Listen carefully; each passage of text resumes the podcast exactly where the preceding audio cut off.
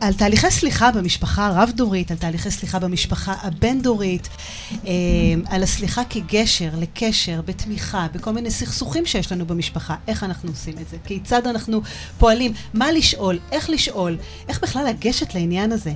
אה, ולכבוד יום המשפחה, אני הזמנתי פה אישה יקרה, דליה בורק, שהיא מגשרת ומאמנת בין-דורית, בעלת החצר הפנימית, מרחב ידע ושירותים למשפחה הרב-דורית, כדי שנעבור טוב יותר, וגם בהנאה את התקופה הזאת. כי אתם יודעים, יום המשפחה באמת קרב, וכמה חווינו, כמה עסקנו בשנה האחרונה ככה בנושא של המשפחה, כמה הגיל השלישי עלה לכותרות ופתאום נתנו את הזרקור אליו, כמה בני משפחה היינו צריכים יותר לתמוך, יותר לשים לב, כמה הם חוו אה, רגשות ככה של בדידות, של דיכאון, ולאו דווקא מתוך מחלה או זקנה, אלא גם מתוך מקום של תשומת לב. אז איך מתמודדים? מה עושים? מה מגיע לנו? מה לשאול? איך אפשר בכלל לנתב בין הורים, ילדים, עבודה, כל הטירוף הזה שאנחנו נמצאים בשנה האחרונה? דליה, לפני שככה אני בכלל צוללת, את יודעת, יום המשפחה ביום שישי חל. מה זו משפחה עבורך? וואו. אז אני חושבת ששאלת את השאלה הכי חשובה והכי משמעותית, כי מניסיוני, ככל שנשאל מספר אנשים מה זה משפחה, נקבל את מספר התשובות השונות. ובאמת, אה, כדי שנחבר אה, ונדבר אה, שיח פתוח ומאפשר, הייתי רוצה שכל אחד מהמאזינים ישאל את עצמו, מה זה משפחה בשבילו, או מה המשפחה שלו, ונגלה המון המון תשובות שבעצם כולן נכונות. זאת אומרת, משפחה זה לא דבר אחיד או יחיד, אלא זה דבר משתנה.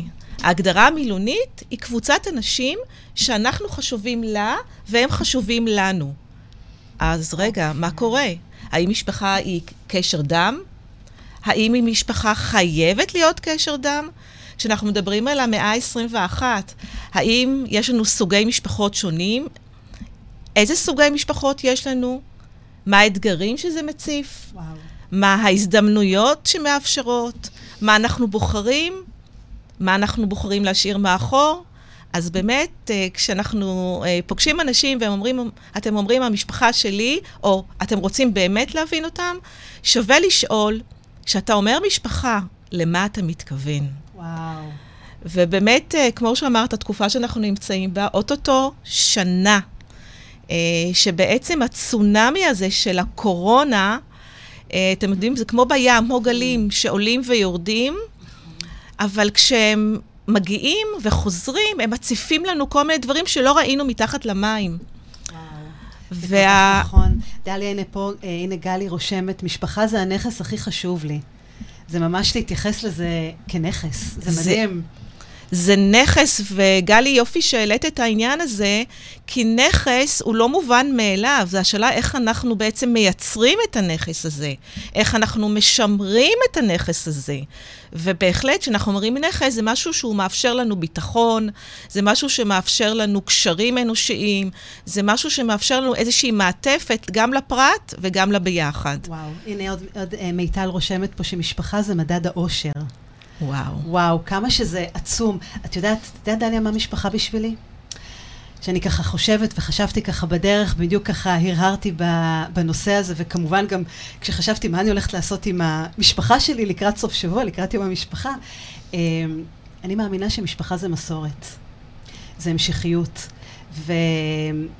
והשנה האחרונה באמת אה, פגשה אותנו עוד יותר עם הנושא המשפחתי שעלה לסדר היום, וקראתי איזה פרשנות ככה שמאוד ככה אה, הדהדה לי, שמאוד קשורה, את יודעת, לנושא הזה של כבד את אביך ואת אמך, למען יאריכון ימיך, שבעצם אה, אני מאוד התחברתי לזה ש, שהחיים שלנו יתארכו לא רק קדימה, גם אחורה. זאת אומרת, אם אנחנו ניקח את המסורת ואנחנו נדגיש אותה ואנחנו נדבר עליה, על הערכים, על מה שהדורות הקודמים שלנו עברו, אז בעצם אנחנו ניצור איזה גשר בין העבר לעתיד, ואנחנו נחבר את המשפחה שלנו למשהו שהוא ימשיך קדימה. זאת אומרת, הוא יתחיל ממשהו מאוד מאוד היסטורי, ויקח אותנו קדימה. זה מקסים, כי בעצם הגשר הזה שאת מדברת אליו בין הזמנים, אנחנו הרי חלק מאיזושהי שרשרת. נכון. אנחנו איזושהי חוליה, כל אחד מאיתנו, ילדינו, הורינו, כל אחד הוא חלק מאיזושהי שרשרת. אבל אנחנו צריכים, כשאנחנו אומרים מסורת, גם רגע לשאול את עצמנו, מה עומד מאחורי המסורת הזאת? איזה ערכים, איזה דוגמה אישית, כמו שאת מדברת? מה אנחנו, איך אנחנו מעבירים? באופן סמוי, באופן גלוי? האם אנחנו מדברים על הנושאים האלה? האם אנחנו אה, אה, בעצם מאפשרים איזשהו שיח של, של קשר? כי הגשר קשר זה שורש של קש"ר, זה תקשורת. והבסיס בין בני אדם שאנחנו חשובים להם והם חשובים לנו, ובוודאי במשפחה על כל גווניה, זה הנושא של התקשורת, שזה נשמע משהו פשוט, אבל הוא משהו מאוד מורכב. דרך אגב, זה נושא שהוא, התקשורת זה משהו שהוא, הוא, את יודעת, זה הבסיס שלנו כבני אדם בכל, בכל תחום אפשרי. זה בכלל לא פשוט. בכלל לא. אנחנו לא יודעים איך לדבר, אנחנו לא יודעים איך להגיד את הדברים, אנחנו גם לא מדברים. לגמרי. זה ממש שם. דליה, אנחנו מדברים על משפחה רב-דורית, בין-דורית. תעשי לנו סדר רגע. מעולה. מה, מה ההבדל בין בין-דורית, רב-דורית, איך בכלל אנחנו מתייחסים לנושא הזה? אוקיי, okay, אז כשאנחנו מדברים על משפחה רב-דורית, אנחנו מדברים על מספר רב, כלומר הרבה, של דורות במשפחה. ובאמת, בגלל שאנחנו אה, מדינה כבר בת 70 פלוס, ועם הארכת תוחלת החיים, אנחנו מזהים בדור הנוכחי אה, שיש לנו סבתא רבא, שיש לנו ארבע דורות במשפחה כמעט טריוויאלי שיש נינים. יש משפחות שיש להם גם כבר חמש דורות, חימש. זה מושג שבטח בעבר אנחנו בילדותנו, חדי, לא, לא זיהינו ולא ידענו ולא דיברו איתנו עליו.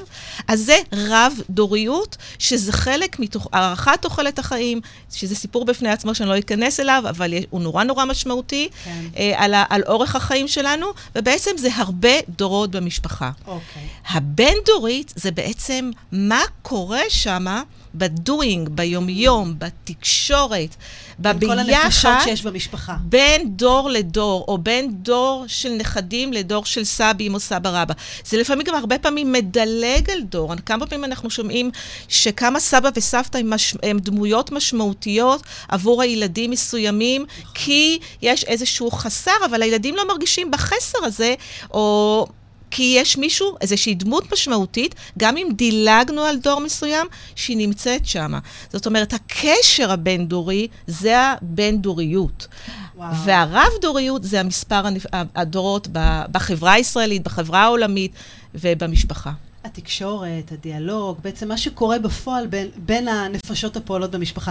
את יודעת, אתמול אה, אה, אה, אחד הלקוחות שפגשתי אתמול, בא ודיברנו על נושא של שמחה ואושר. ועכשיו את ככה, את מזכירה לי את סבא וסבתא וכולי, ואחד הדברים שהוא אמר, שהוא פתאום חושב על זה לעומק, ובאמת השמחה, שהוא מסתכל על הילדות שלו, השמחה המשמעותית שהוא חווה, זה היה בבית של סבתא וסבא. זה עולה המון, זה עולה המון. גם בקליניקה אצלנו זה עולה המון, ששואלים איזה דמות הייתה משמעותית ולמה. אז לרוב הלמה עובד על רגשות, על העניין הרגשי, זה יכול להיות ריחות, זה יכול להיות קולות, oh. זה יכול להיות על החושים שלנו, אבל זה חייב לפגוש את הדבר הרגשי. וסבא וסבתא, הרבה פעמים יש להם מקום, וגם אם הם קצת רחוקים, כשאנחנו מדברים על תקופת הקורונה, המון יצירתיות, המון גמישות גילינו בתקופה הזאת, גם אצל דור הנכדים, oh. אצל הילדים הבוגרים, אצל סבא וסבתא, למצוא איך לייצר את הקשר ואת התקשורת עם הרבה חיוך והרבה שמחה. לעתים מרחוק, בכל נכון. מיני אמצעים, זה במיוחד, אפשרי. במיוחד שיש בו אתגרים, ואם כבר הגענו לנושא של האתגרים, אה, בואו נדבר רגע קצת על התקופה האחרונה, על השנה האחרונה שחווינו, על אתגר הקורונה, אה, כי, כי למעשה פעם, את יודעת, אני אומרת פעם, זה, זה נשמע לפני הקורונה ואחרי הקורונה, זה, זה ממש ככה אירוע מטלטל שחותך ככה את חיינו, אבל אני אומרת פעם, הטיפול, או בכלל ההתייחסות למשפחה רב-דורית, שזה עלה לכותרות, זה עלה בעיקר, בעיקר בעקבות מחלה, או בעקבות זקנה, אה, בעקבות באמת אה, אה, טיפול שאנחנו צריכים לתמוך בבן משפחה. והשנה האחרונה הפגישה אותנו עם נושא חדש, עם בדידות, עם, uh, עם קשר שאנחנו צריכים uh, להתאמץ בו בצורה קצת אחרת, בהורים, סבים, סבתות, ואני מדברת פה על גיל צעיר, אני מדברת על 60, 60 ומשהו פלוס, 65 פלוס, זה לא אנשים שתגידי באמת ככה uh, יותר מדי מבוגרים וכולי, וכל הנושא של הסבלנות והסובלנות ואיך להתייחס לזה, אני מניחה שאת פגשת את הנושא הזה הרבה בשנה האחרונה. מה, ספרי לנו ככה, ואם יש לך גם סיפורים, אז אני, אז אני אשמח ככה לשמוע. אני אתחיל דווקא עם סיפור מקרה שהגיע כמובן לקליניקה. אה, בחורה בת, בחורה, כי היא באמת בחורה, או אישה, בת 65, צלולה, עובדת, מלמדת, פעילה, נוהגת, יש לה שלושה ילדים בוגרים מחוץ לבית, יחסים מצוינים, אין שום אתגר עד הקורונה, לא היה שום אתגר.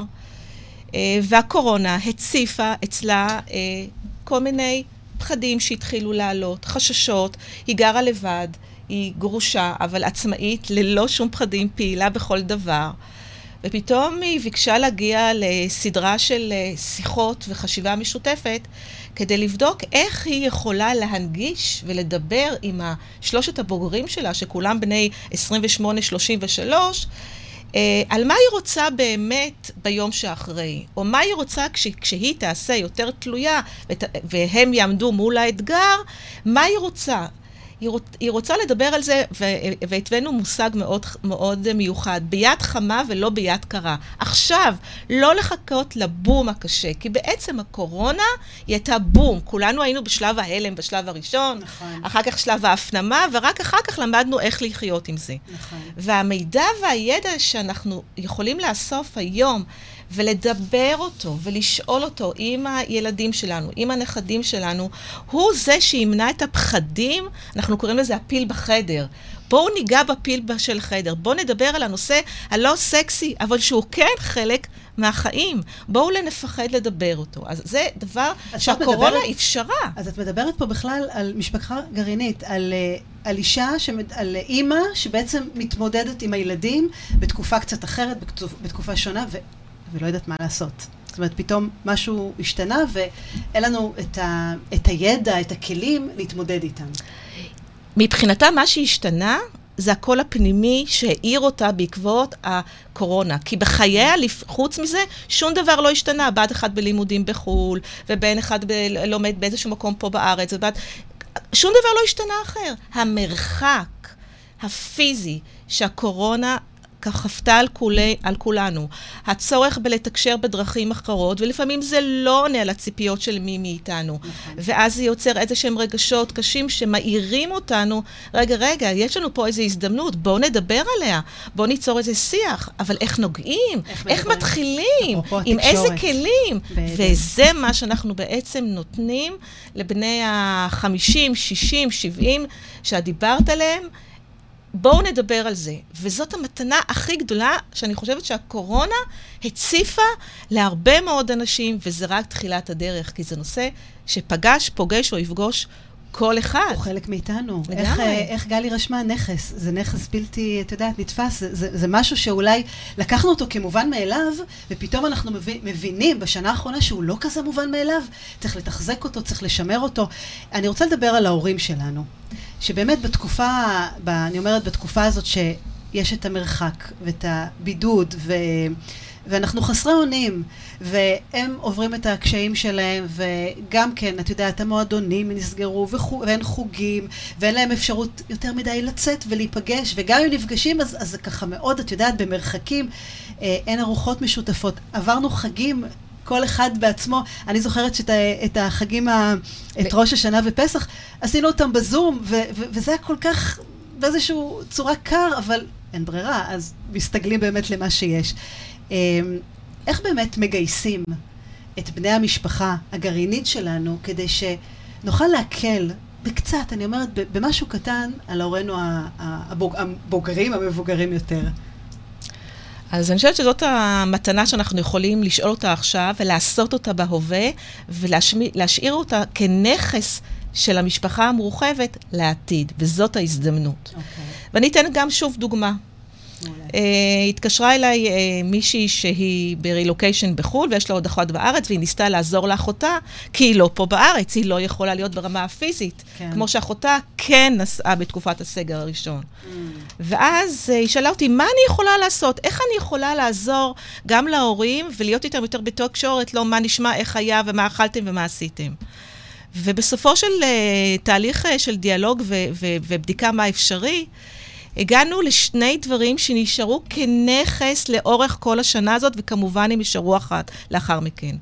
היא פתאום התחילה, מתוך הדיאלוג, לאסוף טלפונים של השכנים, של רופאת המשפחה, של העוזרת שמגיעה פעם בשבוע הביתה, של כל אנשי הקשר, שהם כן זמינים. הם כן חלק מסדר היום של ההורים, ליצור, ליצור איזשהו נט של איזושהי תקשורת, גם יחד איתה.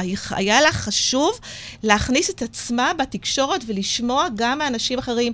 והיא זאת שאחר כך רקמה, כמובן בליווי שלי, בעניין הזה כל יום, לא רק לדבר עם ההורים, אלא לדבר עם מי שנמצא בבית בזמן שהוא בבית עם ההורים. זאת אומרת, זה, ושוב, באמצעים הטכנולוגיים השונים. ברור. וגם לאחר מכן, אז מה, מה חווית? מה ראית? מה נמצא? מה חסר? מה אני עוד יכולה לעשות, למרות שאני רחוקה. אז זו דוגמה אחת. זה נהדר, זה גם, את יודעת, זה בעצם אה, לרתום אנשים אחרים בסביבה של ההורים שלנו, כדי שגם יוסיפו להם עוגנים, משמעויות, סדר יום ו- וכולי וכולי. זה יפה. והשיא ש... שהיא עשתה, אה, היא התקשרה לאיזשהו ארגון שההורים קשורים אליהם, במקרה הזה זה ארגון עולי אירופה, okay. אוקיי. והסתבר שזה ארגון שיש לו מתנדבים. Mm. והמתנדבים האלה, אה, אפשר לחבר בין ההורים המבוגרים למתנדבים. ו... החיבור היה טלפוני בשלב הראשון, בחודשים הראשונים, והיה עוד מישהו שבאופן קבוע, וקבעו את זה בדיאלוג עם ההורים המבוגרים, מתקשר ומנהל שיחה ארוכה, עמוקה, על עולם הערכים, על עולם המסורת, על, על דברים שחשובים ברמה הרגשית והאנושית להורים וגם למי שיתקשר, והם מאוד מקפידים לחבר את האנשים הנכונים למבוגרים, ופתאום יש עוד מישהו שבסביבה, בדיוק כמו שאמרת נכון. כרגע, חדי, עוד מישהו שיתקשר, וזה התחיל בזכות הקורונה. וזה ממשיך, ופתאום המספר האנשים שבקשר ותקשורת עם ההורים, זו דוגמה אחת, יש עוד הרבה דוגמאות, הם הרבה יותר גדולים. וואו. אז כן, אפשר להפוך, להפוך את זה להזדמנות, ופשוט להציף את הצרכים על פני השטח. זה מדהים, כי זה בעצם מפיג את הבדידות. ואני חושבת שדווקא אנחנו, כ- כ- כילדים, כאנשים הקרובים, לפעמים זה לא עובד. זאת אומרת, אין לנו את הסבלנות. אה, עם כל האהבה והכבוד וכולי, יש לנו כל כך הרבה עיסוקים, יש לנו את הילדים, יש לנו את העבודה, יש לנו עוד דברים שמתמודדים. ואני חושבת שדווקא האנשים היקרים לנו, הם כל כך רוצים לדבר ולדבר ולדבר ולשתף ולספר. ולאו דווקא לנו, כי אנחנו הרי כל כך מכירים אותם.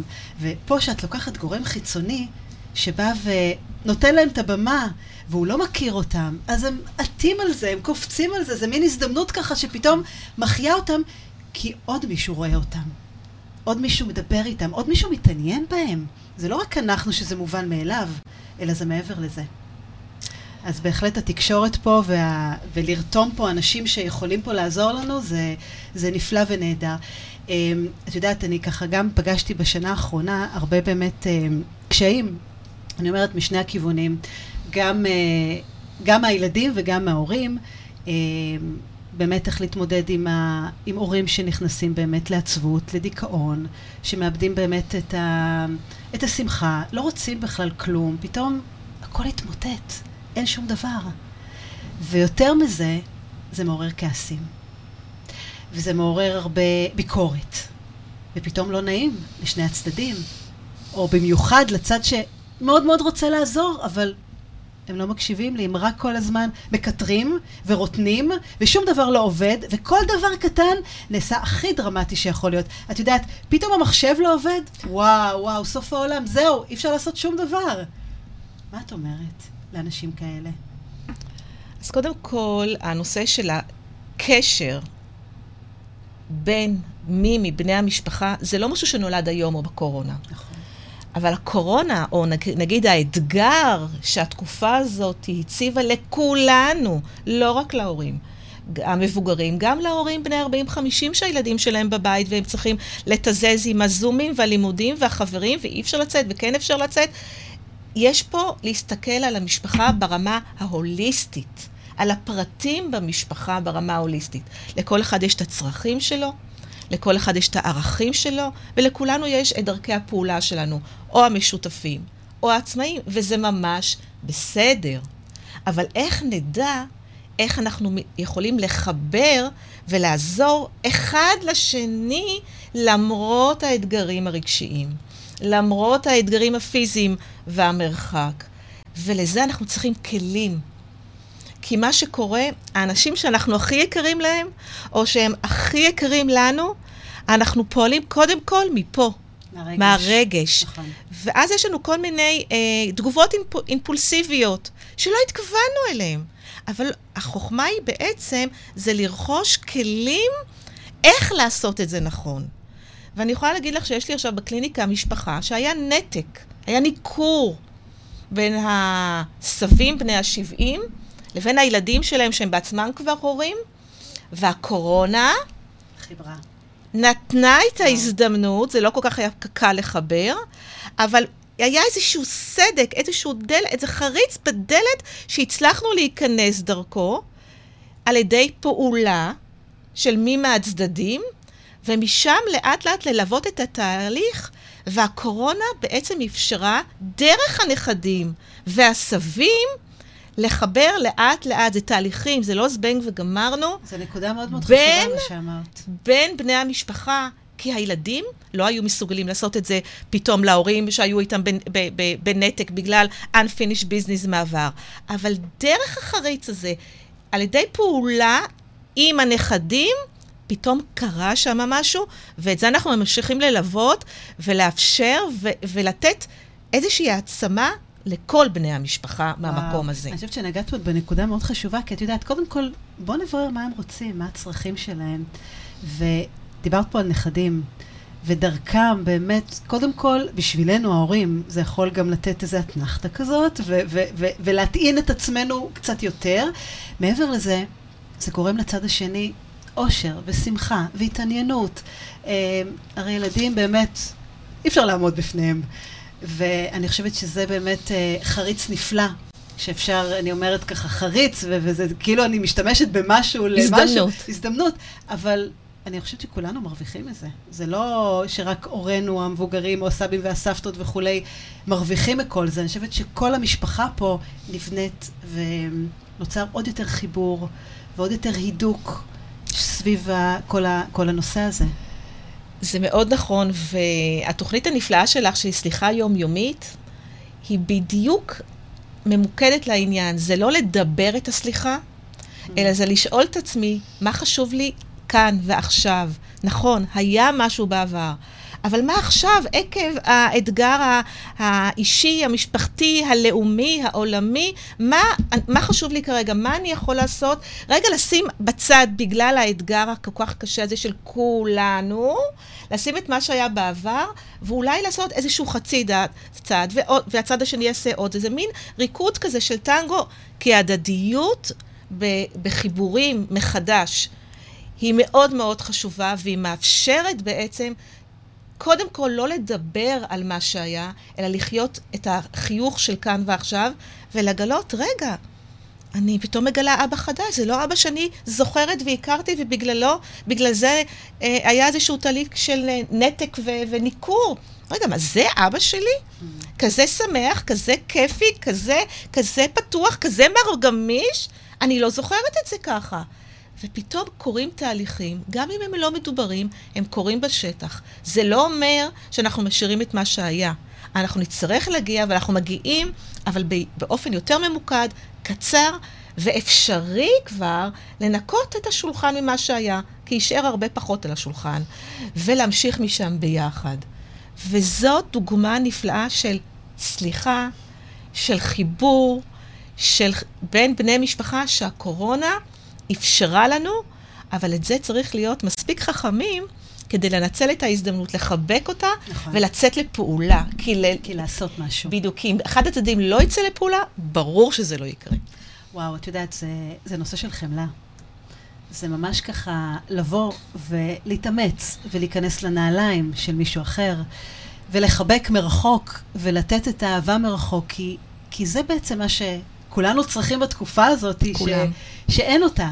ואת יודעת, אה, הסליחה הזאת שהיא באמת מחברת, ו, ובכלל, אני אומרת, בכל דבר אפשרי, זה באמת לא רק להגיד אותה, זה לחיות אותה, זה לעבור דרכה.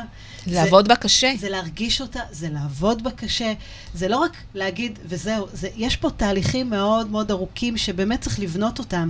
ואני אומרת, אם אתם לא מצליחים לבד, אז באמת זה לא, לא בושה לבקש עזרה. אם, לא רק בתקופה הזאת, אני חושבת בכלל. אמ, אני יכולה לספר שאבא שלי, זיכרונו לברכה, שנפטר בשנה האחרונה, אמ, אז אני אומרת, לפני כן, אני חושבת ששנתיים בערך okay. אה, כן. לפני כן, אה, אחרי שאימא שלי נפטרה, היה לו מאוד מאוד קשה. מאוד. הוא היה ממש בדיכאון ובעצבות, ואיבד שמחת חיים, ולא יודע איך להתמודד. וכמה שאני מטפלת ומכירה, ו- ויש כלים, ויודעת, והוא חשוב לי, ואני מאמינה, ו- לא הצלחתי. לא הצלחתי לגעת או להגיד, כי באתי, את יודעת, מהרגש, מהמקום הזה שאני כל כך רוצה לעזור לו, ומצד אחד, מה, אבא, אתה לא מסוגל לקחת את עצמך בידיים ולעשות דברים? ואני פניתי לדליה, משם היכרותנו באמת ככה התחזקה, וביקשתי עזרה, וביקשתי עזרה. אמרתי לה, דליה, אני לא יודעת איך להגיע אליו, אני לא מצליחה לדבר איתו. הוא, הוא, הוא לא מקשיב, הוא לא שומע, אני צריכה כלים אחרים. וגם את פגשת אותו, ו- ודיברנו ארוכות, ובאמת, כשיש מישהו חיצוני שפתאום נותן לכם את המראה הזאת ו- ומאפשר לכם, יותר מאני אומרת בפן הרגשי, גם להבין מה מגיע לי, מה נכון לי, יש כל כך הרבה זכויות ודברים שאנחנו לא יודעים. אנחנו לא יודעים כי אנחנו לא חיים את הדברים האלה. ואם אנחנו נדע, אני חושבת שיהיה לנו הרבה הרבה יותר קל. מעבר לזה, אנחנו באמת נצליח לעזור לאנשים שהכי יקרים לנו. וגם לעצמנו. בעיקר לעצמנו, אמרה כן. לי, אה, אה, שתי אחיות אמרו, אבל דליה, מאיפה אני הייתי יכולה לחשוב לשאול את השאלות האלה? אף פעם לא לימדו אותי מה הכלים, מה הזכויות שלי כבת משפחה מטפלת. כן, כן, יש זכויות לבני משפחה מטפלים, וגם של ההורים שלי, ובכלל איך עושים את זה, ואיך מגיעים לאנשים הנכונים שמתאימים לנו, שאנחנו נוכל לעשות את זה ברגיעה ובדיאלוג, ועם כל האמפתיה ועם כל החמלה שדיברת עליה. ובסבלנות, אנשים, בסבלנות גדולה. לגמרי. את יודעת, אני שבוע פגשתי אה, אה, אה, אה, בקליניקה אה, לקוח שהגיע וסיפר לי שפתאום נודע לו שאבא שלו אה, חולה בהלצהיימר. העולם נפל. השמיים נופלים. השמיים נפלו, כן. ועכשיו הוא הבין שהוא צריך להתגייס. הוא היה ככה חסר אונים, הוא לא יודע. באותו רגע זה מין blackout, אנחנו לא יודעים בכלל מאיפה להתחיל. פתאום אנחנו כל כך בלחץ. וואו, כל החיים שלנו עכשיו הולכים להשתנות. אני חייב לעזור, אני חייב לעזור לאימא שלי, לא רק לאבא שלי וכולי. מה את אומרת לאנשים כאלה? ב step 1, צעד ראשון, מה הם יכולים לעשות? אז האמת היא שאני עושה את זה כמעט כל שבוע עם משפחה חדשה, בנושא הספציפי הזה. אז קודם כל, הצעד הראשון זה להגיד לאותו אדם, אל תישאר לבד. נקודה. אפילו סימן קריאה או שני סימני קריאה. זה כמו הקורונה, הבום הזה, אתם זוכרים שאמרנו ש, שהבום הזה, אנחנו מבולבלים, אנחנו לא יודעים מאיפה להתחיל ומה לעשות, וזה בדיוק המקום הזה. אנשים ומשפחות עברו את זה קודם, אתה לא הראשון. יש הרבה ידע, יש הרבה ניסיון, יש המון כלים, יש המון אה, אה, גורמים שיכולים לעזור לכ, לכם כבני משפחה ולהורים. ובואו תלמדו ובואו תקשיבו ותראו מה מתאים לכם ותיקחו, ואנחנו בעצם באימון המשפחתי, אז מה שקורה באימון זה למידה. אבל מה שיותר חשוב, זה מה בסוף כל מפגש אותה, אותו אדם לוקח כדי ליישם בין מפגש למפגש. ומכאן התהליך החשוב כל כך, שהוא מלווה מרחוק ומקרוב, אבל כל מפגש מקבלים כלים ולא הולכים לבד. זה כמו המקלות של הסקי או המקלות הליכה, יש על מה להישען ולהתקדם בדרך. אז כן, אז uh, הנושא של uh, אלצהיימר, דרך אגב, הוא משתנה, הנושא של דמנציה הוא משתנה. יש עוצמות שונות של דמנציה. כן, אבל זה רק דוגמה, את יודעת, אנחנו מדברים פה על... לגמרי, אה, שאדם ניסה, אני תמיד אומרת שאדם נעשה יותר תלוי ופחות עצמאי. מה קורה איתנו, עם בני המשפחה? גם אנחנו צריכים תמיכה. אתם יודעים מה? לפעמים אנחנו צריכים קודם כל את התמיכה, כדי שנוכל לעזור לאחר. כי אם לנו אין את המשאבים, אם לנו אין את הכלים, אם לנו אין את מקור... הנשימה לנשמה ולחדש אותה כל הזמן, איך ניתן? יש דוגמה נורא יפה עוד פעם שטסנו במטוסים, הדיילת פעם הראתה לנו, היום זה בסרטונים, ויש את המסכה של החמצן אם קורה משהו פתאומי. אז למי אומרים לשים את המסכה קודם? האם לילד הקטן או לאדם המבוגר שנמצא לצידנו? לא. לא. לא. לנו. כן. לנו לשים קודם כל את מסכת החמצן, כדי שנוכל לתמוך ולעזור למי שבצידנו, לאדם היקר לנו, זה לא משנה באיזה גיל או באיזה מצב. אז זאת התשובה. לא להישאר לבד, לקבל ידע, מידע וכלים. ורק אז להתחיל בתהליך בחירה ובניית תוכנית שתהיה מעטפת לכלל בני המשפחה, לצלוח את התקופה. כי כן. זה מה שתלוי כדי בנו. כדי לדעת לנתב בין כל הדברים. אז בעצם, קודם כל להבין שאנחנו לא לבד. לגמרי. הלבד הוא באמת יכול להיות גם בין בני המשפחה, גם כגורם מקצועי, גם כחברים, חבר, חברה שאפשר לשתף. גם מאוד אפילו, חשוב. גם אפילו לכתוב. ולהוציא את הדברים לעצמנו, אם אין את האפשרות. זאת אומרת, יש, יש דרכים, זה לא שזהו, העולם נפל ואין מה לעשות, יש הרבה מה לעשות. ומה שאת אמרת, הדבר השני, באמת אה, אה, להבין שקודם כל אנחנו צריכים גם להטעין את עצמנו. כי אם אנחנו לא נבוא מוטענים ואנחנו לא ניתן לעצמנו את המקום, זה לא יעבור. אנחנו נכעס, אנחנו נתעצבן, אנחנו נקטר, אנחנו לא נבין, לא נגלה חמלה, אנחנו, לא יהיה לנו בכלל סבלנות. אנחנו נקרוס. אנחנו נקרוס, אנחנו נקרוס, לגמרי. ואני חושבת שהיום, אמ, כשאימא שלי נפטרה לפני שבע שנים, אני לא ידעתי את כל הדברים האלה. ולבד התעסקתי ובדקתי, ווואו, וקרסתי. ו- ועכשיו עם אבא שלי, אז ידעתי, אז נעזרתי, בדקתי, ו- וזה באמת מאוד מאוד עזר. זה לא אומר שזה יותר קל, זה קשה, אבל פתאום יש לכם את הכלים הנכונים, ואתם מרגישים שאתם מצליחים לגעת ולעזור, בטח שלעצמכם ובטח גם לאנשים שמסביבנו. דליה, דיברנו ככה על הנושא, העלינו אותו לסדר היום, דיברנו על החשיבות שלו. אני רוצה עכשיו תכלס, באמת ככה, כלים, מפתחות קראת להם. מה תכלס אנחנו עושים כדי לתמוך, כדי לעזור לבני המשפחה שלנו, שדרך אגב, זה ילדים, בני בנות זוג, זה הורים, זה סבים סבתות, זה כל המעגל ככה מסביבנו. לגמרי. אז אני חושבת שאם אני אנסה לעשות אה, מטאפורה, את, אה, נדמיין לעצמנו כרגע צרור מפתחות. ובצרור הזה יש מבחינתי אה, חמ, חמישה, חמש, מפתח מפ... אחד, חמישה מפתחות. חמישה מפתחות מאוד מאוד הכרחיים לטובת הדרך. ויש חשיבות גם לסדר שלהם, זאת אומרת, מה קודם ומה אחר כך. Uh, המפתח הראשון זה קודם כל לקיים איזושהי שיחה פנימית עם עצמי. מכירה את השיחות האלה במקלחת? או. שאנחנו כל הזמן מדברים עם עצמנו, מתלבטים עם עצמנו, שואלים את עצמנו שאלות, ולפעמים השאלות האלה נשארות באוויר, וזה מצוין, וזה ממש בסדר.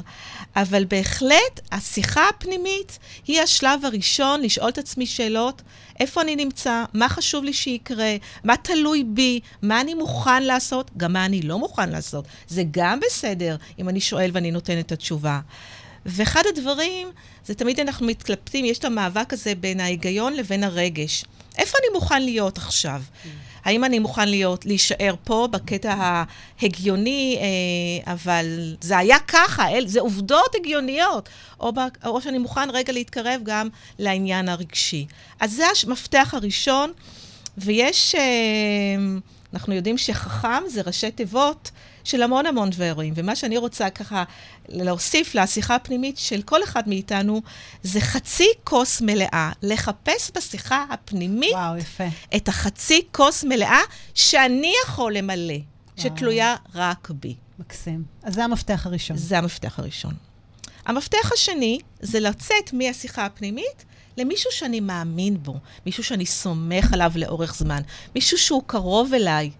זה יכול להיות חבר או חברה, זה יכול להיות מיש, איזשהו קולגה מקצועית, זה יכול להיות מישהו מבני המשפחה, מישהו שאני יודע שהוא גם ישמור את זה בשלב הזה אצלו ולא יוציא אחרת. זה איש אמון. אפשר לסמוך עליו. זה לשתף אדם אחד בתחושות, בהתלבטויות, במחשבות, ש...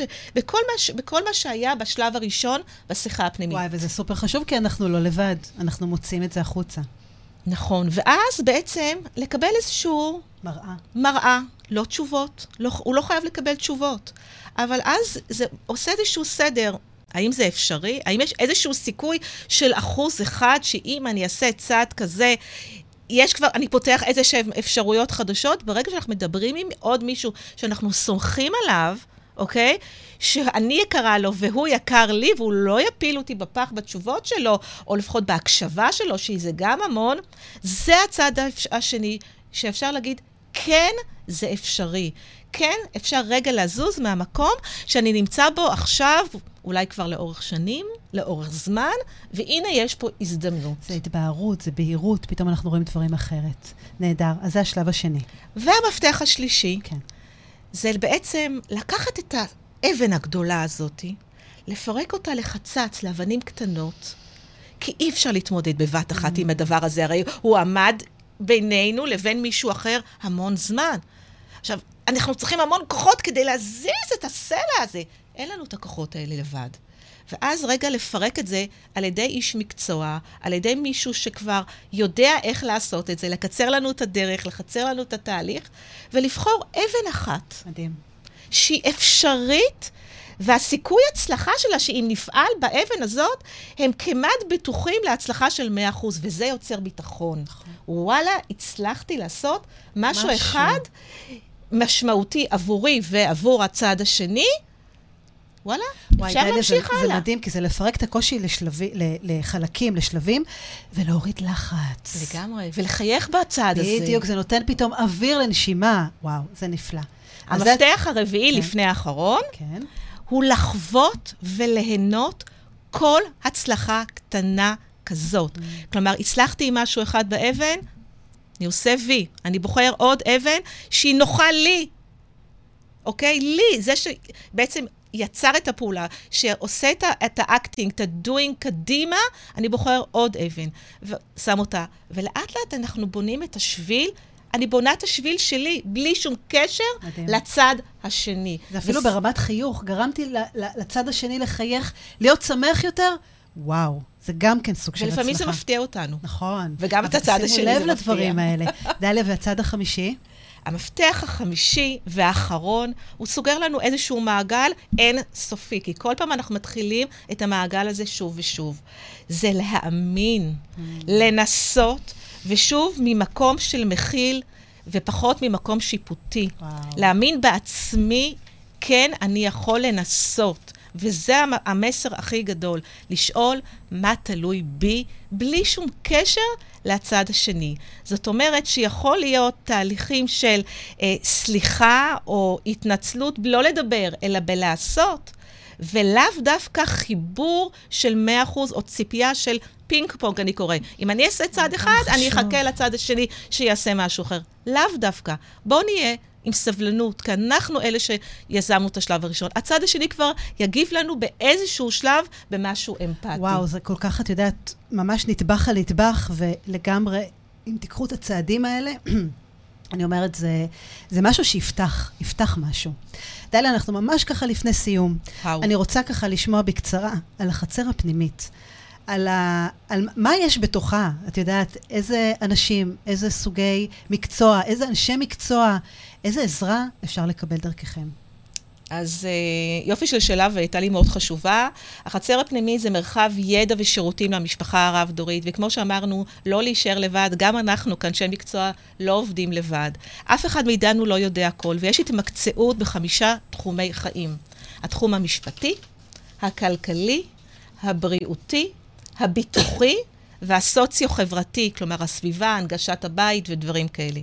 לכל תחום כזה יש לנו מומחים, אנשי מקצוע ברחבי הארץ, צפון, מרכז ודרום. ואנחנו עובדים בסינרגיה. וואו. וזאת אומרת שאם הם צריכים, אה, אה, נאמר, לעשות את התהליכים שאני עושה כמאמנת ומגשרת, הם, המשפחות או בני המשפחה מופנים אליי. כשאני צריכה עורכת דין שתעשה מסמך כזה או אחר, או שתסביר אה, איזשהו מושג, אה, אריכות ימים בבנק או דברים כאלה, זה לא שאני לא יודעת, אבל האתיות והמקצועיות שלנו היא וואו. אבן רגל... זה נהדר, כי יש אה, אבן דרך. דרך מאוד מאוד חשובה, ואז אנחנו עובדים בסינרגיה mm. מקרוב, ובשנה האחרונה גם מרחוק, וזה אפשרי. כן, זה אפשרי לקבל וואו. מענה. אני חושבת שהסינרגיה ובאמת המענה העוטף והכללי, שבאמת במקום אחד יש לכם את כל התשובות שאתם צריכים, את כל העזרה שאתם צריכים. דליה, תודה רבה, ככה באמת על שעה מרתקת עם המון uh, הכוונה וידע ואת יודעת, התבהרות כזאת, והכי הכי חשוב, אנשים, אתם לא לבד. אל תעברו את הדברים האלה לבד. אני אומרת את זה מניסיון, וגם דליה, שבאמת חווה פה באמת הרבה מאוד דברים. וגם מניסיון אישי, הגעתי לזה מניסיון אישי. זה כן. בסוף מוביל אותנו. אז תודה רבה. באמת ככה על, אה, על כל התובנות ו, ומה שהיה. ויום המשפחה, עוד יומיים, יום שישי, יום המשפחה. קחו את זה לתשומת לבכם. תעשו משהו קטן למען האנשים הקרובים לכם. למען עצמכם. למען עצמכם, למען המסורת, למען ההמשכיות, אה, למעננו, בשביל להכניס את הנקודות אור. תודה שהאזנתם לעוד פרק בתוכנית סליחה יומיומית. אהבתם? דרגו אותי ב iTunes, תירשמו לפודקאסט, תשתפו עם חברים, והעיקר, אל תשכחו לבקר באתר שלי www.חדי.סליחה.co.il. תקראו על הסדנאות שלי, תזמינו הרצאות ועל עוד דרכים שאני יכולה לעזור לכם לשחרר את העבר, לשחרר כעסים ולסלוח לעצמנו. אז נתראה בפרק הבא.